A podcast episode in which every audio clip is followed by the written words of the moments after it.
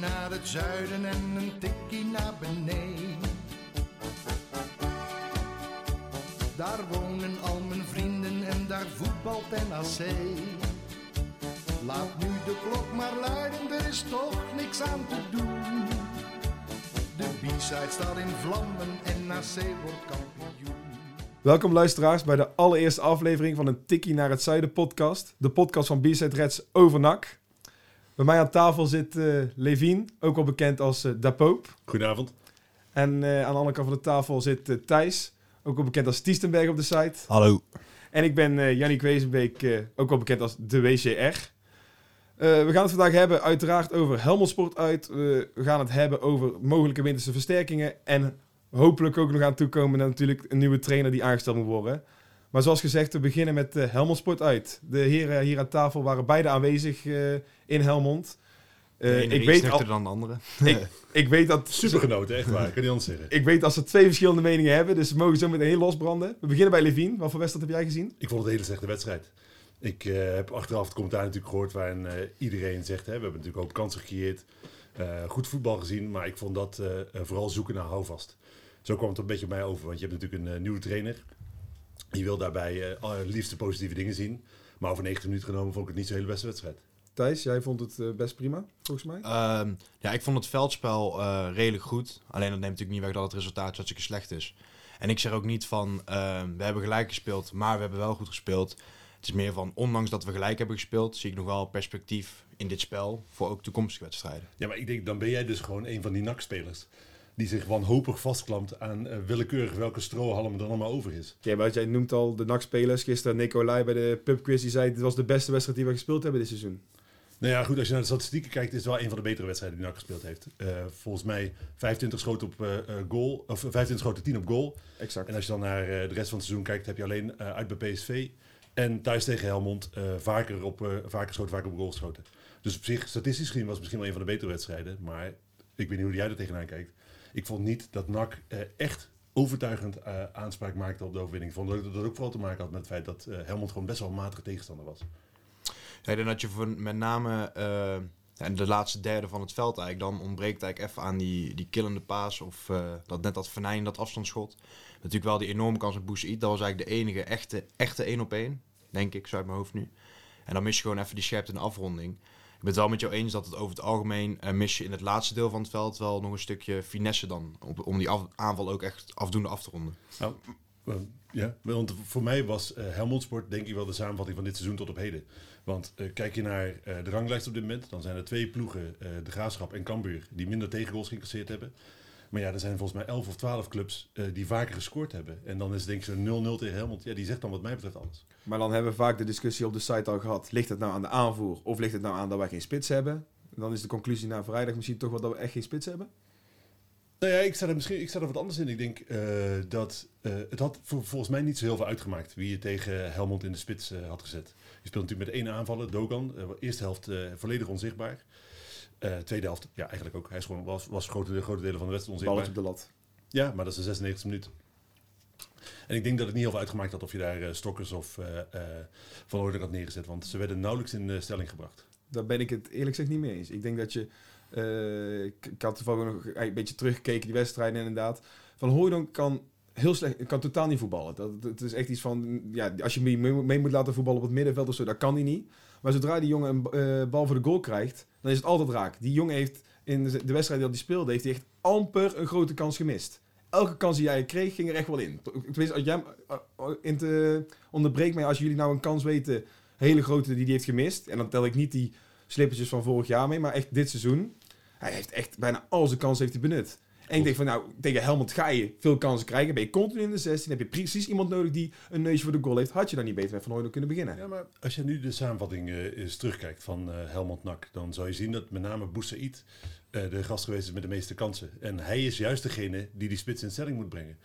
Hij heeft Dogan nauwelijks van een bal voorzien. Echt niet. Het had niet uitgemaakt wat mij betreft je daar Stokkers of Van Hooydonk neergezet had. Dus ligt het alsnog aan de aanvoer, zeg. Voor mij ligt het aan de aanvoer. Thijs, hoe sta jij daarin? Ehm, ja, ik ben het wel met je eens dat Sydney waarschijnlijk eh, zijn kansen wel had afgemaakt. Maar aan de andere kant ben ik het ook wel eens dat ja, Dogan die krijgt, wordt ook niet echt in stelling gebracht.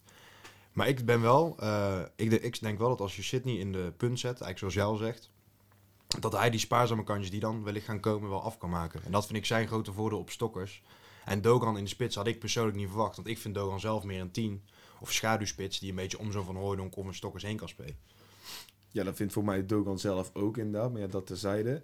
Ehm het lijkt er wel op dat Wijs redelijk tevreden was over de wedstrijd. Want hij wisselt pas in de 80ste minuut en dat is ook tevens zijn enige wissel. Daarin brengt hij Sidney van Hooydonk. Had hij iets anders kunnen doen eh, om iets te gaan forceren? Wat mij betreft niet. Omdat ik, wat ik dus al zei, het veldspel was prima. En tot in de 16 eh, was het spel gewoon prima. Dus ik denk als je daar iemand anders had weggezet of een extra iemand, dat dan alles maar die trechter in gaat. En ik denk niet dat dat per se het spel het verbetert. En natuurlijk in de 80 minuut dan gaat hij toch opportunistisch wisselen. Ik zou persoonlijk ook dat het spel vanaf daar ook minder gestructureerd is en meer ja, opportun. En daarin, ja, ik, vind het, ik snap het wel dat hij pas laat wisselde. Jij niet, denk ik. Ja, goed, ik was tegen die tijd echt al eh, lang niet nuchter meer. Dus het maakte mij op dat moment niet zo heel veel meer uit. Ik was gewoon vooral boos dat ze niet wonnen. Over de tweede helft kan ik niet een heel gefundeerd oordeel geven. Dat moet ik heel eerlijk bekennen. Maar bijvoorbeeld het brengen van een Bowie of dergelijke had voor jou zou geen extra inbreng eh, kunnen brengen. Ja, ik, eh, ik vind het nog steeds wel moeilijk inschatten hoe goed Bowie nou eigenlijk is. Want ik vond hem tegen Jong Ajax, die invalbeurt, dat was natuurlijk maar kort, vond ik hem niet heel overtuigend. Hij maakt natuurlijk ook regelmatig minuutjes eh, bij Jong. En ik denk van ja, als hij wedstrijdritme mist nog, dan vind ik hem niet, eh, dan vind ik het niet een speler om zomaar in te brengen in de laatste 20 Ja, minuten. maar je, moet- je gaat met Bo- Bowie natuurlijk wel echt anders spelen dan eh, eh, nu met zo'n uh, of Ilic. Ja, die spelen, trekken toch voornamelijk naar binnen. En daar denk ik ligt wat mij betreft toch een van de kernen. Ik weet niet zeker of er één probleem is, maar dat is in ieder geval een van de problemen waar NAC erg mee worstelt. Wat ik al zei, die aanvoer naar de spits is heel matig. En dat zit er voor een deel in het feit dat je die spelers die die eh, spits van eh, ballen zouden moeten voorzien, voornamelijk eh, naar binnen trekken. Dus je moet inderdaad eigenlijk een buitenspeler hebben die de achterlijn haalt. Ik wel. En dat, die heb je met Bowie, denk ik dan. Ja, dat zou kunnen. Ik, ik vind Bowie wel, inderdaad, wat jij al zegt, anders dan de mensen die er nu staan. Dus wat dat betreft zou je het keer kunnen proberen. Dus gaan wij hier pleiten voor een basisplaats voor Bowie aanstaande vrijdag? Ja. Of is dat te gek? Nee, hey, waarom zou je het niet proberen? Want Zeker dit, tegen dit dat niet. Dit werkt niet. Dus, dus Bowie in de basis eh, vrijdag. Bij deze noteren we dat eh, op papier. Ja, zeker tegen Jong AZ thuis. Dan, Dat is op zich wel aardig, want dan weet je meteen wat de invloed van deze podcast is. Dan kunnen als we, weet je, als we nu de o- opstelling bepalen, dan stoppen we er ook meteen mee. Dat is goed. Eh, wie gaan we op goal zetten?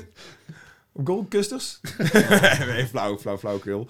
Nee, ja, eh, een teleurstellend resultaat. Eh, ja, willen we nog naar de concurrenten kijken van om plek 2? Of is het meer van, kijk nou maar eerst naar je eigen en daarna... Dat. Je moet eerst je eigen problemen oplossen voordat je reëel naar de andere eh, kunt gaan kijken. Want eh, als het zo blijft zoals het nu is, dan denk ik dat je eh vijfde, zesde plaats gaat eindigen. Dat het niet heel veel beter wordt dan dit. En dan, ja natuurlijk, hè, je speelt na competitie, maar dan ga je echt van nooit van het leven promoveren. Geloof ik gewoon niet. Ook niet met een nieuwe trainer. Nee, ja, dus dat is wat ik zeg. Hè. Als hij het echt aan de praat krijgt, misschien met die één of twee versterkingen die toch nog wel gaan komen deze winterstop, dan, dan moet ik het zien. Maar daarvoor dan moet NAC eerst heel veel beter gaan voetballen. Thijs, hoe sta jij erin?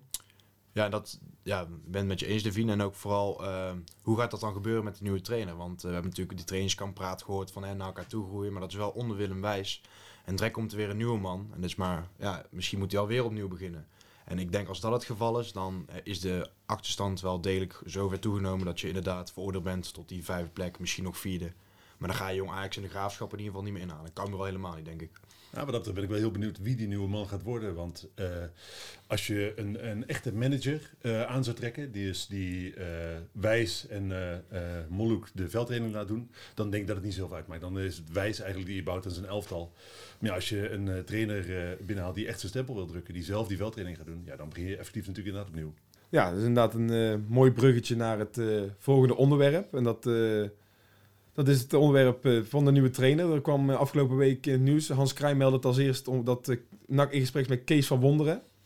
Eh, ik heb wat dingetjes opgezocht. Eh, hij heeft nog niet heel veel ervaring op het hoogste niveau eigenlijk. Want het is een aantal periodes assistent geweest bij Twente. Hij heeft, uh, dan is dan twee keer hoofdtrainer geweest bij Oranje. Ja, twee keer hoofdtrainer geweest. Eén keer bij Oranje onder 17 en één keer bij Oranje onder 18. Wel meteen de hoofdprijs gepakt. Bij Oranje uh, onder 17 inderdaad is hij Europees kampioen geworden. En het toernooi daarvoor heeft hij ook de halve finale gehaald. Dus daar heeft hij het echt uitstekend gedaan. Maar ook al goed materiaal natuurlijk. Met die Oranje teams. Ja, ja hij, zal, zal vast een goede lichting hebben gehad. Maar oké, okay, dan nog. Het, het zijn wedstrijden op zich. En dan was hij na de afgelopen tijd de assistent van Koeman, waarmee hij dus gestopt is. En toen zei hij nog... Ik voelde me niet happy in de rol die ik moest vervullen. En als je je niet zo lang voelt, dan functioneer je ook niet goed. En daar kwam het dus eigenlijk ook op neer van... ik wil het liefst op eigen benen staan en zelf de beslissingen gaan nemen. Snap ik hè, want hij is volgens mij 51 uh, inmiddels. Zo een uh, leeftijd waarop uh, de meeste trainers er inderdaad al wel een uh, club zelf geleid hebben. Ik snap wel dat hij op eigen benen wil staan. Ik vraag me alleen eh, ernstig af of NAC de juiste keuze is om als eerste eh, club te nemen. Kun je dan onderbouwen waarom? Ja goed, ik denk dat je naar willekeurig welke trainerscarrière in de afgelopen 15 jaar eh, moet kijken bij eh, mensen die als eerste bij NAC getraind hebben. Die zijn allemaal ontslagen. Die trainerscarrières zijn niet, eh, hebben geen vliegende start genomen nadat ze bij NAC eh, voor de groep hadden gestaan. Thijs, als jij de naam van Wonderen hoort, eh, gaat jouw hart al sneller kloppen? Ehm, nou, ik, ik vind het wel een eh, man, als je zijn lijstje, wat je al zei, is misschien niet allemaal op uh, seniorenniveau. Ik vind hem wel dat hij in ieder geval zijn staat van dienst is tot nu toe al wel redelijk. Ja, En ik denk dat zijn visie wellicht wel aansluit op die van Willem Wijs. Ik denk dat zij wel een beetje dezelfde types zijn. Dat ze wel degelijk overlappen. En dat zou ik wel een groot pluspunt vinden. Ja, maar ik denk dat er niemand is die zegt dat Van Wonderen echt een waardeloze keuze is. Eh, puur eh, naar wie hij waarschijnlijk als trainer is. Want ik denk dat niemand een echt goed oordeel kan vellen over hoe goed hij als trainer is. Want wat je zelf ook al zegt, hè, zijn materiaal bij, eh, jong, bij die oranje teams was natuurlijk gewoon heel goed. Maar ik denk dat hij in principe best wel een goede trainer gaat worden. Alleen, je weet dat je eh, eh, aan alleen een goede trainer heb je niet genoeg bij NAC. Het moet eh, ook iemand zijn die zich staande weet te houden in toch wat, wat, hoe je het ook bent of keert, een slangenkuil is. Waar iedereen zijn eigen belang nastreeft. En dat is een... als je daar, dan moet je een ervaren trainer neerzetten. Je moet iemand hebben die al een paar keer ontslagen is.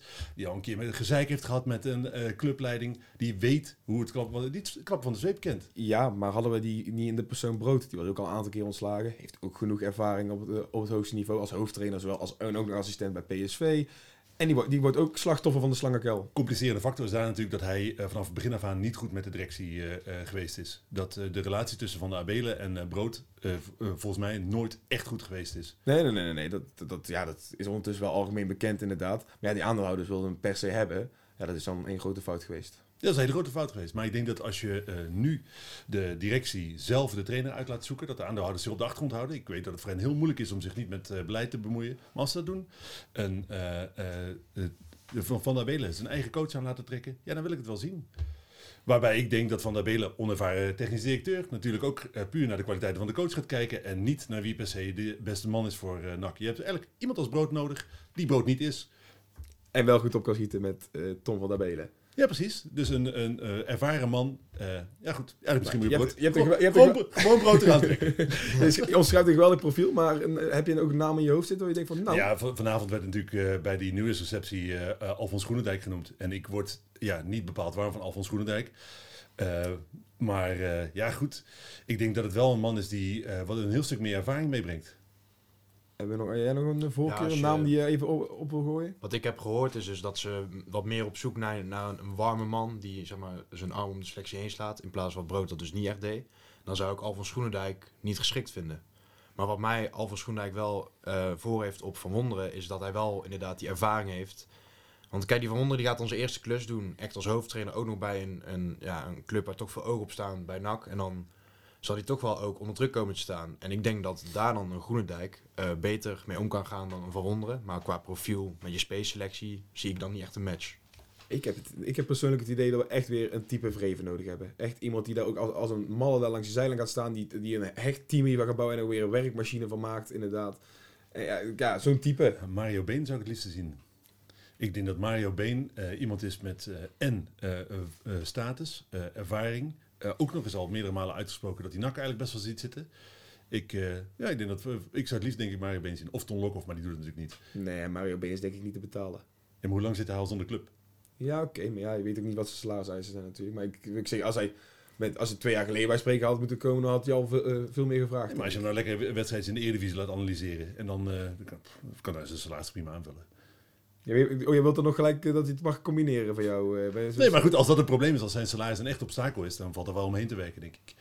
Ja, maar ik weet niet. Als, als zodra het dan echt weer slecht gaat, krijg je daar weer natuurlijk... eh, dan zie ik de eerste reacties op de site alweer voorbij komen. Ja, nee, kan hij niet beter zijn tactisch plan eh, uitwerken in plaats van analyseren? Nee, natuurlijk, maar dus het, dat werkt het, niet. het is ook gekheid natuurlijk, hè, maar ik denk dat Mario Been... eh, eh, ik kan me niet voorstellen dat hij, dat hij niet op enig moment weer een club wil gaan trainen. En dan heeft hij al zo vaak de naam van NAC laten vallen. En het feit dat hij NAC zo'n mooie club vindt, dat ik het geen rare keuze zou vinden. Oké. En eh, dan begint hij dan met laag verwachtingspatroon. Want veel slechter dan nu kan het niet gaan. Dus dan kan hij misschien dat- zijn eigen dat- projectje de van maken. trainer die nou komt heeft niks te verliezen. Ik zeg, je staat nou zesde. Ja, je kunt, ja, je kunt misschien wel tiende worden. Maar je hebt weinig te verliezen dit Ja, komend half jaar. Ik denk dat dat, wel- dat, dat eh, eh, best wel tegenvalt. Want eh, als NAC dit jaar niet promoveert, dan blijft die druk natuurlijk gewoon gigantisch. Het is echt niet zo dat... ik kan alleen, ik kan niet voor iedere supporter spreken, maar kan, als ik naar mezelf kijk, ik neem gewoon geen genoegen met het feit dat ze dit jaar niet promoveren. Inmiddels snap ik dat het een heel moeilijk verhaal gaat worden, maar in principe neem ik daar geen genoegen mee.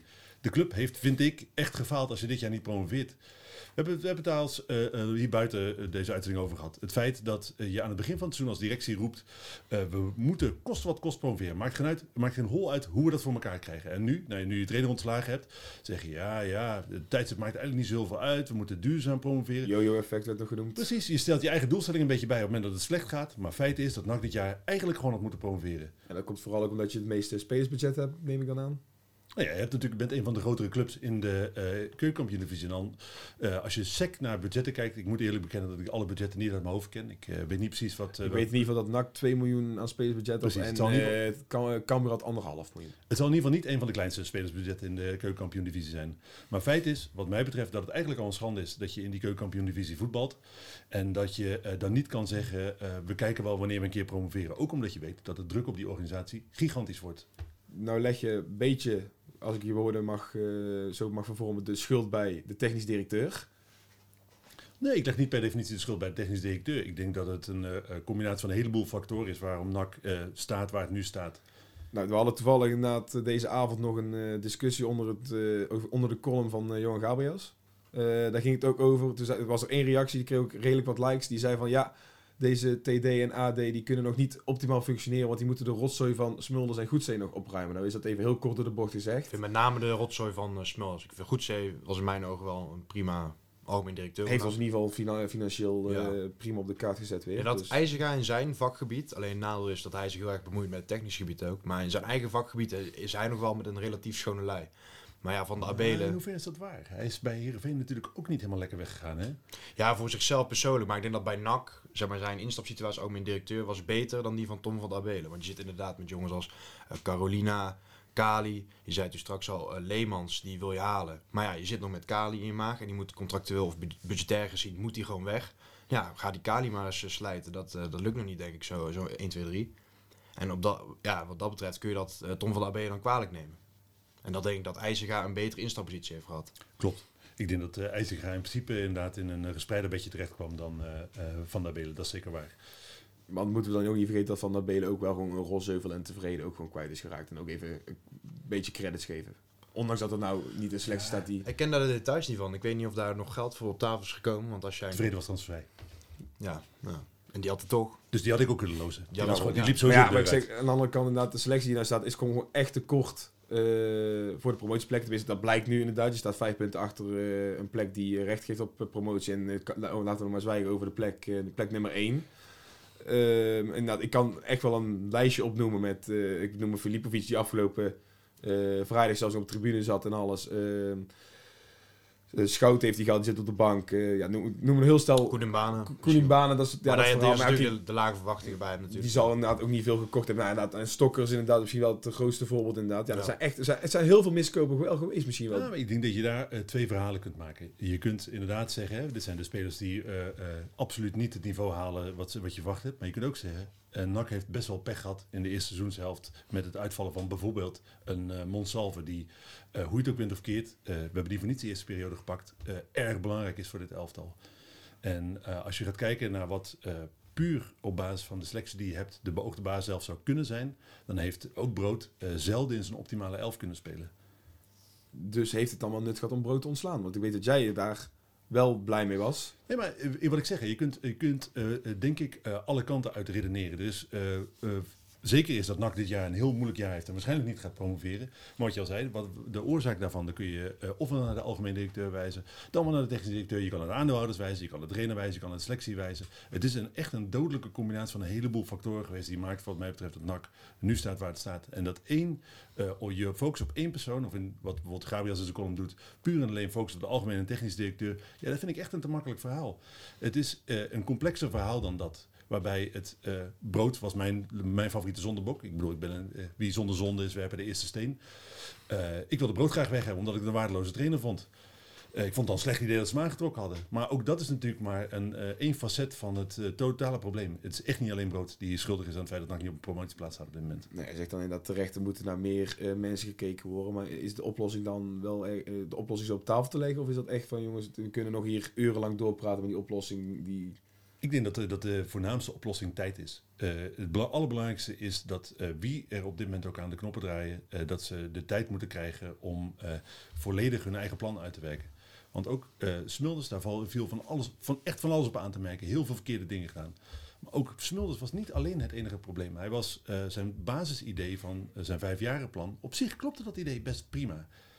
En eh, voor Van der Abelen en eh, voor IJzinga zal exact hetzelfde gelden. Dat het basisplan wat zij hebben liggen best oké is. Maar de vraag is of zij de tijd krijgen om dat plan daadwerkelijk uit te gaan werken. Dat is een andere reactie die ik, eh, om daar even op in te spelen, wel heb ge- gelezen. Die kwam terug op een aantal artikelen.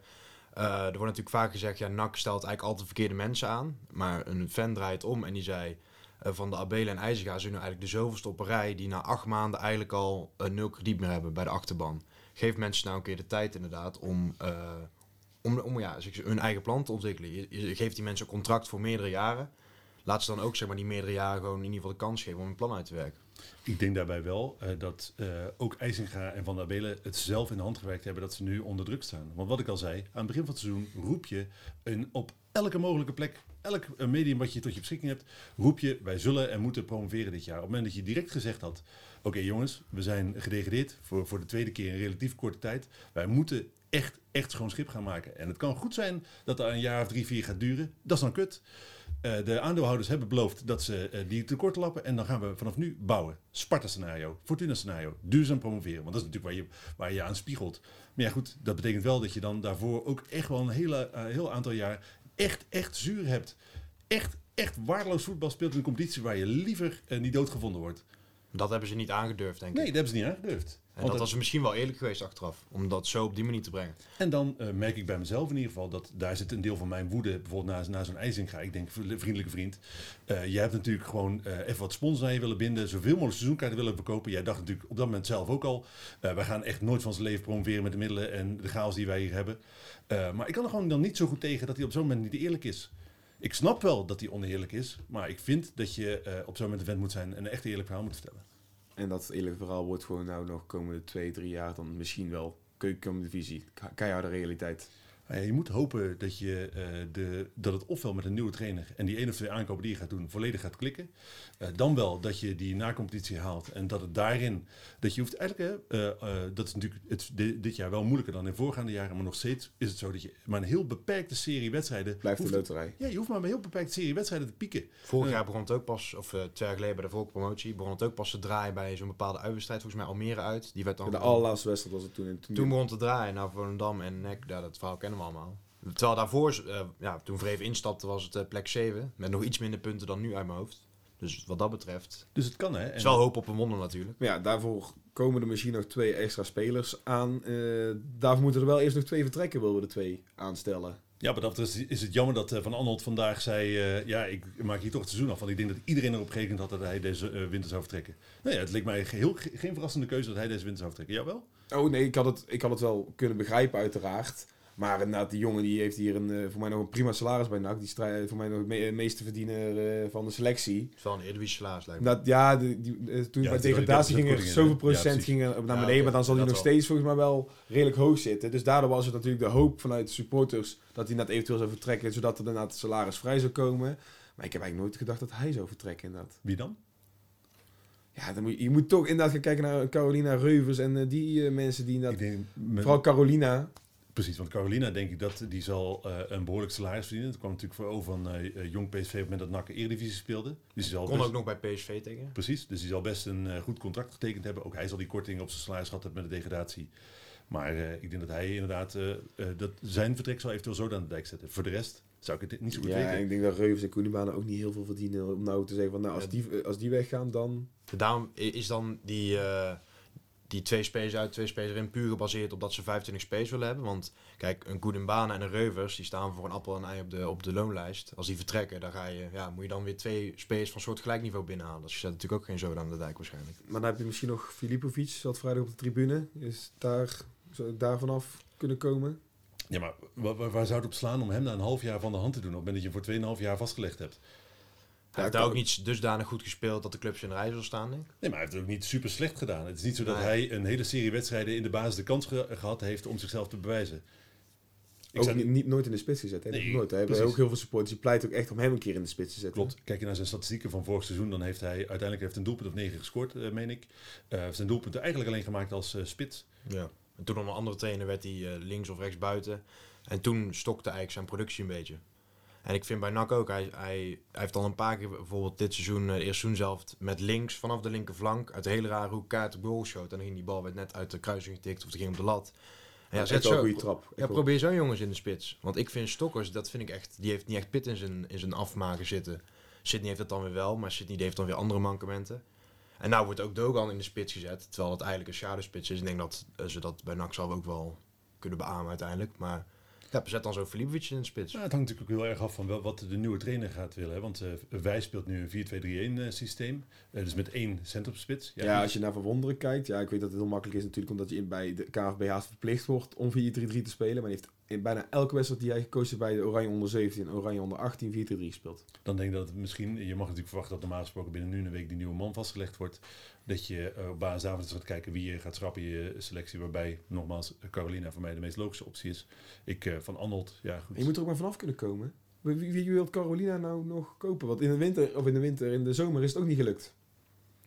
Nou, ik denk dat meer als hij, eh, dat hij zeg maar zo, eh, als hij bij een andere club terecht zou kunnen, dat je dan gewoon zijn contract kan ontbinden. Dat denk ik ook. Maar zo, zolang hij niks anders heeft, dan gaat hij natuurlijk ook niet eh, zijn contract zonder slag of stoot laten ontbinden. En dan moet je hem zo'n premie meegeven omdat hij zijn contract ontbindt.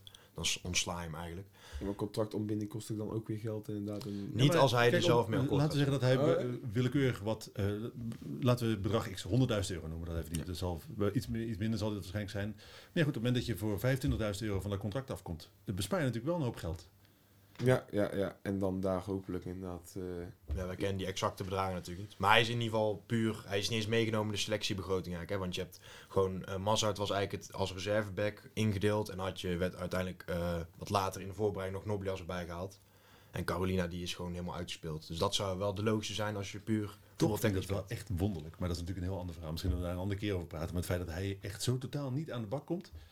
Dat is echt gek voor iemand die het, zo Carolina. goed, ja, die het zo goed gedaan heeft bij Jong PSV, toch? Ja, gewoon een reek van wedstrijden kunnen we hebben vorig jaar allemaal toch gezien dat die jongen toch totaal niet kon voetballen. Ik vond hem, die, ik zit Carolina zet ik in het rijtje Ashley Smith-Brown nog. Oh, ik heb bij Ashley Smith-Brown ook wel eens een mooie doelpunt. Achilles uit volgens mij. Halve Ja. omhaal, fantastisch goal. ja, ja, goed. Die Ja, ook Smith- heel weinig. Smith Brown die begon al aardig vond ik. ja, ja dat, Maar dat is heel ander. Dat is- dat gaan we weer veel te terug inderdaad. Eh, we gaan tot slot gaan we nog heel even kort vooruitblikken op eh, vrijdag. Jong AZ thuis. Eh, daar zullen geen drive mee, dat drive zal daar niet meedoen. Abu Klal zal daar denk ik niet meedoen. Want ze spelen zaterdag thuis tegen Willem II. Wat wel echt lekker is, hè? Het feit dat je die jongens... eh, Ja, ik kan dus nou herinneren toen we eh, uit bij Jong AZ. Nou, die opstelling. En ik denk dat Ja. NAC daar ook echt die tweede helft speelde. Dus ook echt goed de tweede helft. NAC in die tweede helft. eh, tikten ze eigenlijk Jong AZ redelijk weg. En dat echt Ja. aanvallend een hele leuke open wedstrijd inderdaad. Nou, prima, prima wedstrijd. Maar ja, toen deed je inderdaad een drive. En Abu Klal, eh, ja, ik kan ze niet allemaal precies meer opnoemen. Maar echt Ja, heel veel gasten jongens als eh Etienne Reinders en zo. Dat, ja, die zijn misschien wel minder bekend, maar die zitten ook tegen het eerste aan. En Die die, Felix Correira zat... eh, ja, die ze dan vaak tegen clubs als NAC nog wel bij het tweede meedoen. Maar die hebben we dus eh, vrijdag er niet bij. Dus ja, ik, ja, durf, ik durf het eigenlijk niet te zeggen. Maar eigenlijk moet het gewoon weer drie punten zijn. Ja. Ja, het is niet zo heel moeilijk. Je moet deze wedstrijden gewoon winnen. Kijk, op het moment dat je... eh, zolang je niet zegt, wij willen absoluut niet promoveren... eh, moet je dit soort wedstrijden gewoon winnen.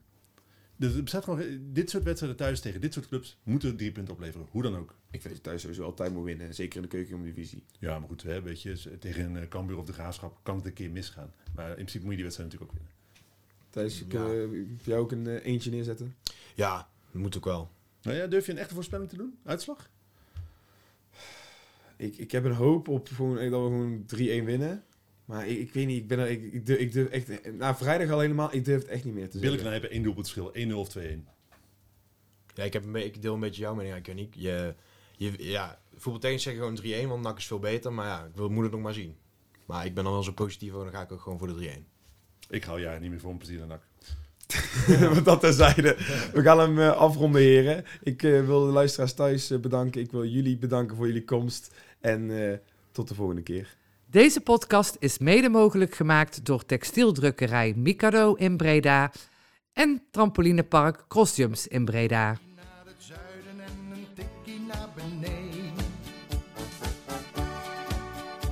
Daar wonen al mijn vrienden en daar voetbalt NAC. Laat nu de klok maar luiden, er is toch niks aan te doen. De B-side staat in vlammen en NAC wordt kampioen.